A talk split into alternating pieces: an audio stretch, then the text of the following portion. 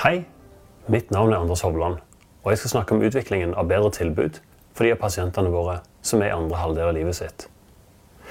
Vi lever lenger, ikke bare i Norge, men i store deler av verden. Dette er en utrolig suksess, både for helsetjenestene våre og for samfunnet vårt. Når vi nå lever lenger, er det viktig at helsetjenestene våre utvikler seg tilsvarende, sånn at vi sikrer at alle de årene vi får, er tid for utvikling og vekst, med best mulig livskvalitet og funksjon. Jeg skal i dag derfor snakke om angst. En vanlig, men alvorlig psykisk lidelse som nettopp er til hinder både for vekst, livskvalitet og funksjon. Og jeg vil si noe om hvordan vi kan jobbe for å utvikle bedre behandling for personer med angst, og i andre halvdel av livet. Dette er en oversikt over de temaene jeg vil snakke om i løpet av denne presentasjonen. Jeg vil si noe om angst med økende alder, behandling for dette, og hvordan vi kan utvikle behandlingene og tilbudene våre med utgangspunkt i et konkret eksempel på behandlingsutvikling i klinikken og erfaringene fra dette. Angst er vanlig, og 20-30% av oss vil utvikle en angstlidelse i løpet av livet. Og hos eldre personer er forekomsten av angst høy. Hos personer over 55 år er generalisert angst, eller såkalt bekymringsangst, den vanligste. Og det ser ut til at risikoen for å utvikle denne lidelsen øker med økende alder. I en nylig studie fulgte en over 1700 personer som var 65 år eller eldre, i 12 år. Ingen av disse hadde generalisert angstlidelse når en starta målingene, men så mange som 8,4% altså nesten en tidel av disse, utvikla generalisert angst i løpet av denne perioden.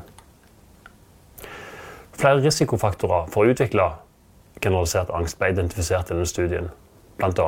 belastende livshendelser, depresjon og såkalt aldersrelaterte endringer i kognisjon. Det er viktig å påpeke at jeg her ikke snakker om demens eller kognitiv svikt, men om endringer som skjer med hjernen vår når vi blir eldre, som de gjør med resten av kroppen. Den øverste figuren til høyre viser gjennomsnittsalderen for å utvikle de ulike angstlidelsene. Og som vi kan se markert med den røde søylen, ligger generalisert angstlidelse øverst.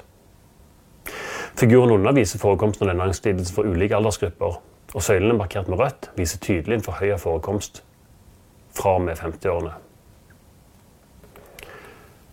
Hvordan er det da med behandling av angst for personer i andre halvdel av livet? Det vi vet, er at eldre personer ønsker psykoterapi, men mottar dette i mindre grad enn yngre mennesker. Det er flere grunner til dette. og I tidligere studier ble det bl.a. vist at opplevd stigma har bidratt til at personer i de øvre aldersgruppene i mindre grad har søkt behandling enn yngre. Studier viser imidlertid at eldre personer i mindre grad er blitt tilbudt anbefalt behandling for sine psykiske plager. De får òg informasjon om færre behandlingsalternativer, og blir oftere tilbudt medikamentell behandling, inkludert såkalte B-preparater for angsten sin, selv om disse kan ha problematiske bivirkninger og ikke anbefalt behandling for disse lidelsene. Erfaringer fra både Norge og Storbritannia tyder på at eldre i mindre grad enn yngre henvises til spesialisert psykisk helsevern. Og bildet til høyre er forsiden på en rapport fra 2012 for Helsedirektoratet som kartla tilbudet ved DPS-er og akuttpsykiatriske avdelinger. Her ble det bl.a. funnet at den vanligste grunnen for avvisning for pasienter over 65 år var henvisning til pasientens alder, manglende kompetanse eller manglende tilbud ved DPS-et. Samtidig vet vi at denne pasientgruppa ser ut til å ha like god effekt av anbefalt behandling som yngre pasienter for både depresjon og for de fleste angstlidelser. Unntaket er først og fremst generalisert angstlidelse, der man finner en lavere effekt av den anbefalte behandlingen. Denne nedsatte effekten ser ut til å henge sammen nettopp med de aldersrelaterte endringene som bidrar til å øke risikoen for å utvikle generalisert angst, nemlig endring i de såkalte eksekutive kognitive funksjonene og jeg skal straks si mer om hva dette innebærer. Så det er altså sånn at Vi ser ut til å ha en økende risiko for å utvikle generalisert angst når vi blir eldre, samtidig som effekten av behandlingen er dårligere. Dette er en uheldig kombinasjon, siden generalisert angst utgjør en stor belastning. Både for den som rammes, og for samfunnet. Studier viser at generalisert angst både har store kostnader og innebærer en relativt stor påvirkning på helsevesenet og da særlig førstelinjetjenesten, der generalisert angst er til stede i hele 22 av pasientene som oppgir angstplager. For personer som lider av dette, og de nærmeste, er det klart at lidelsen har en stor påvirkning både på livskvalitet og funksjon. For å si litt om hva generalisert angst er, vil jeg vise til bildet til høyre. Dette er en annonse vi har benytta for å synliggjøre at det finnes et tilbud for pasienter med den lidelsen i vårt opptaksområde. Her står det bl.a.: Personer med generalisert angstlidelse plages av at de bekymrer seg svært mye, noe som reduserer både livskvalitet og evne til å fungere godt i hverdagen. Og videre at vanlige symptomer er uro, muskelspenninger, irritasjon, konsentrasjonsvansker og søvnproblemer. På bakgrunn av denne korte annonseteksten oppgir mange av de som kommer til oss, at de opplever at det som står skrevet her, var som skrevet til nettopp de. Et sentralt element i generalisert angstlidelse er bekymringene og at de omhandler en rekke livs, ulike livsforhold og arenaer. Disse bekymringene forstyrrer stadig den daglige fungeringen, og de oppleves som ukontrollerbare. Mange blir bekymra nettopp for at selve bekymringen skal gjøre de syke. Det har de senere år vært en internasjonal forskningsinnsats for å utvikle bedre behandling for denne gruppa. Og det er gjort tilpasninger til behandlingsprotokollene som finnes, for å prøve å øke effekten av den anbefalte behandlingen. Anbefalt behandling for generalisert angstlidelse er en spesifikk form for kognitiv atferdsterapi. Og jeg skal si mer senere om hva som kjennetegner denne behandlingen. For å bedre effekten av behandlingen er det gjort flere strategier. En har prøvd å eh, kombinere kognitiv atferdsterapi med tiltak for å styrke læring og hukommelse for sentrale elementer i terapien. En har også prøvd å kombinere kognitiv atferdsterapi med kognitiv trening, som i seg selv har vist seg å ha en positiv effekt på generalisert angst, og hos yngre personer. Artikkelen til høyre er skrevet av en av våre samarbeidspartnere og handler spesifikt om hvordan eksekutiv fungering kan bedres for å bedre effekten av behandlingen for generalisert angst i andre halvdel av livet. En har også prøvd å kombinere kognitiv atferdsterapi med antidepressiv medikasjon. Og en har sett at alle disse tiltakene har vist bedre effekt, men det har blitt anbefalt å fortsette å utvikle og forske på intervensjoner som direkte kan bedre den kognitive fungeringen, og som enkelt kan kombineres med terapi i klinikken. Den intervensjonen som har vist seg å ha best effekt på kognitiv fungering, er fysisk trening, som har vist særlig god effekt nettopp på de eksekutive funksjonene og på hukommelse. De eksekutive funksjonene er de funksjonene i hjernen som bl.a. regulerer oppmerksomheten vår og vår evne til å opprettholde og skifte oppmerksomhet. De eksekutive funksjonene bidrar også med å regulere følelser, inkludert frykt. Figuren til høyre viser resultatene fra en samlestudie, en såkalt metaanalyse, og viser effekten av trening på bl.a. eksekutiv fungering, spasial eller såkalt romlig hukommelse og prosesseringshastighet sammenlignet med ulike kontrollbetingelser.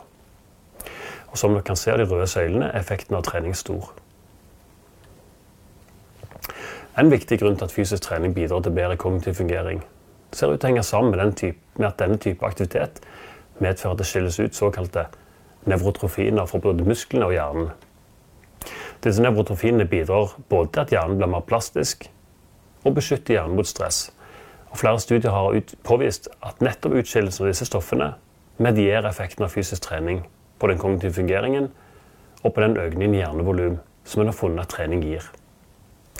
Det har også at nivåene av disse stoffene er viktig med avlæring av fryktstimuli, altså ting som en er redd for. Og Nivået av disse stoffene i blodstrømmen har vist seg å kunne predikere effekten av kognitiv atferdsterapi nettopp for angstlidelser. I tillegg vet vi at trening i seg selv kan redusere angst, både på kort og lang sikt. Og det foregår for tiden flere studier for å undersøke hvordan dette kan utnyttes i behandling. Og Jeg skal nå fortelle mer om en av disse studiene. På Soli DPS gjennomfører vi for tiden, bl.a. i samarbeid med Universitetet i Bergen, en behandlingsstudie der vi undersøker hvordan vi kan bedre effekten av nettopp kognitiv atferdsterapi som behandling for generalisert angstlidelse hos pasienter som er mer enn 60 år. Studien er en såkalt RCT, eller en randomisert, kontrollert og klinisk studie. Dette betyr at deltakerne blir tilfeldig fordelt til én av to behandlingsbetingelser, sånn at en kan sammenligne effekten av de to behandlingene. I figuren til høyre ser dere en forenkla framstilling av studiedesignet, med nettopp fordelingen til de to betingelsene framheva. I denne studien får alle deltakerne den anbefalte behandlingen for generalisert angst, som altså er kognitiv atferdsterapi, etter manualen til Tom Borchgrevink. Det som skiller de to betingelsene, er at den ene halvparten i tillegg får manualisert fysisk trening, mens den andre, andre halvparten får kognitiv atferdsterapi, kombinert med støtteoppfølging. Før studiestart og underveis ble det gjort en rekke målinger. Både for å undersøke effekten av behandlingen, men òg for å lære mer om risikofaktorer for generalisert angstlidelse med økende alder. Samt konsekvensene av denne lidelsen på helse og, helse og kroppslige funksjoner. Da det dessverre er sånn at det finnes mange kunnskapshull på disse områdene. Særlig for eldre pasienter, og særlig innenfor psykisk helse. Den fysiske treningen som inngår i behandlingen, foregår over totalt 15 uker. Etter de første fem ukene gjennomføres det en måling, men dette er først og fremst en del av forskningsdesignet. Gjennom hele behandlingen gjennomfører deltakerne tre økter per uke, der en av disse er individuelt veiledet og foregår på DPS-et. De to andre øktene gjennomfører deltakerne på egen hånd, enten hjemme eller på et annet egnet sted. Øvelsene og utstyret som inngår, er valgt for å sikre at denne treningen kan gjennomføres andre steder enn på DPS-et. Styrketreningen består av anbefalte øvelser for å ivareta funksjonell styrke, sånn som knebøy, knebøy pushups, utfall, roing med strikk, tåhev, tips og skulderstrekk. Mens utholdenhetstreningen er først og fremst basert på intervalltrening, og Jeg skal si mer om doseringen for dette straks. Til høyre her ser dere et utsnitt av detaljene for øvelsene som brukes, og progresjonen for treningsprogrammet. Programmet er utvikla for å sikre at folkehelsedosen for fysisk trening gis, samtidig som opplegget er utvikla for å levere en dosering og et innhold som er i tråd med forskningsfunnene for biologiske og kognitive effekter av trening. Belastningen øker hver uke, både for styrke og kondisjon. Som dere kan se av verdiene, innebærer dette intensiv styrketrening. Jeg vil påpeke her at det ble gjort flere vurderinger før oppstart av denne fysiske testingen og treningen. Og alle deltakerne får godkjenning fra sin fastlege før de kan begynne. De aller fleste vi vurderer kan delta i dette. For kondisjonsøvelsene begynner intervalltreningen i uke tre og øker antall gjennom behandlingsperioden. Dette formatet er valgt både fordi de gir synlig framgang og har god dokumentert effekt for å øke den fysiske kondisjonen. Støtteoppfølgingen er utvikla for å gi de deltakerne som ikke deltar i den fysiske aktiviteten, samme grad av oppfølging som de som deltar i treningen. Denne oppfølgingen er i denne sammenheng en kontrollbetingelse, men òg sånn at dette utgjør et element utover den kognitive atferdsterapien, på den måten at det gir et kontaktpunkt i tillegg til terapeutbehandlingen. Dette sikrer kontinuitet og gir en mulighet for å fange opp om ikke alt fungerer sånn som det skal i løpet av behandlingsforløpet. Den kognitive atferdsterapien foregår som sagt etter en manual som er basert på Tom Borchgrevicks behandling av generalisert angst. Behandlingen vår bygger videre på den oversatte manualen fra en behandlingsstudie som ble gjennomført ved NTNU under ledelse av professor Nordahl. Da nettopp kognitiv atferdsterapi ble sammenlignet med metakognitiv terapi for generalisert angst. Behandlingen i vår studie gjennomføres under veiledning av nettopp Hans Nordahl. Fokus i behandlingen er på å bryte den onde sirkelen som oppstår med generalisert angst, der en rekke situasjoner og tanker kan utløse en spiral av automatiserte bekymringstanker som kan oppleves som ukontrollerbare, og som kan eskalere helt til panikk. For å greie å bryte denne sirkelen trener pasientene på det som kalles selvkontrollert desensitisering, som innebærer at, den, innebærer at den begynnende bekymringen kobles til det å slappe av og spenne av.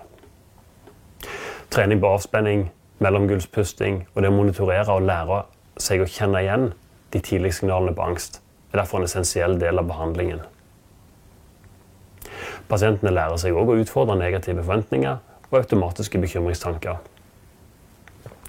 Behandlingen bidrar over tid til at bekymringstanker i stadig mindre grad bryter inn i hverdagen og at når bekymringene kommer, så kan disse håndteres uten at de eskalerer ut av kontroll. Så langt har vi fått en del erfaringer fra studien og implementeringen av denne. Noen av disse var som venta, mens andre i all hovedsak var positive overraskelser. Bruk av bl.a. såkalte B-preparater er ikke forenlig med behandlingen her. Og fordi dette har vært aktuelt før, så har dette måttet seponeres før behandlingen kan begynne. Erfaringene våre her har vært så langt at dette har fungert fint, og at de ideelle i all hovedsak har vært motivert for denne nedtrappingen og har greid å gjennomføre dette så lenge de har visst at de vil motta god og effektiv behandling etterpå. Vi har òg erfart at pasientene som søker behandling, er svært plaget av angsten sin, og at mange har vært det i lang tid. Det har vært stor interesse for behandlingen, og mange har tatt kontakt, men vi ser allikevel at det er et stort behov for informasjon om tilbudet og tilgjengeligheten av behandling for disse plagene. Det er òg vår erfaring at mange pasienter har høy terskel for å oppsøke behandling for plagene sine. Når det gjelder gjennomføringen, er erfaringene at de aller fleste pasientene er svært fornøyd med denne behandlingen. Og gjennomføringsgraden er så langt svært høy. Vi finner òg at de aller fleste pasientene fra begge grupper blir friske. Vi har òg god erfaring med at selv om alt eh, behandlingsinnholdet er manualisert, kan det greit tilpasses fysiske og psykiske behov og utfordringer hos pasientene. Erfaringene våre så langt er at utvikling og evaluering av behandling fint kan gjennomføres i klinikken, sånn at denne utviklingen både innebærer tilgjengelig og god behandling, samtidig som det bidrar til kompetanseheving i foretaket. En av hovedutfordringene er å sikre at informasjonen om tilbudet når ut til de som skal ha behandlingen, og til de som skal henvise til denne behandlingen. Før jeg oppsummerer dette foredraget, vil jeg vise en liste over den store gruppa av eminente samarbeidspartnere og bidragsytere som bidrar i prosjektet. Prosjektet gjennomføres som sagt i regi av Soli DPS, i samarbeid med bl.a. Psykologisk fakultet ved Universitetet i Bergen. Og det er stor gruppe personer som gjør denne gjennomføringen mulig. Og disse er lista her.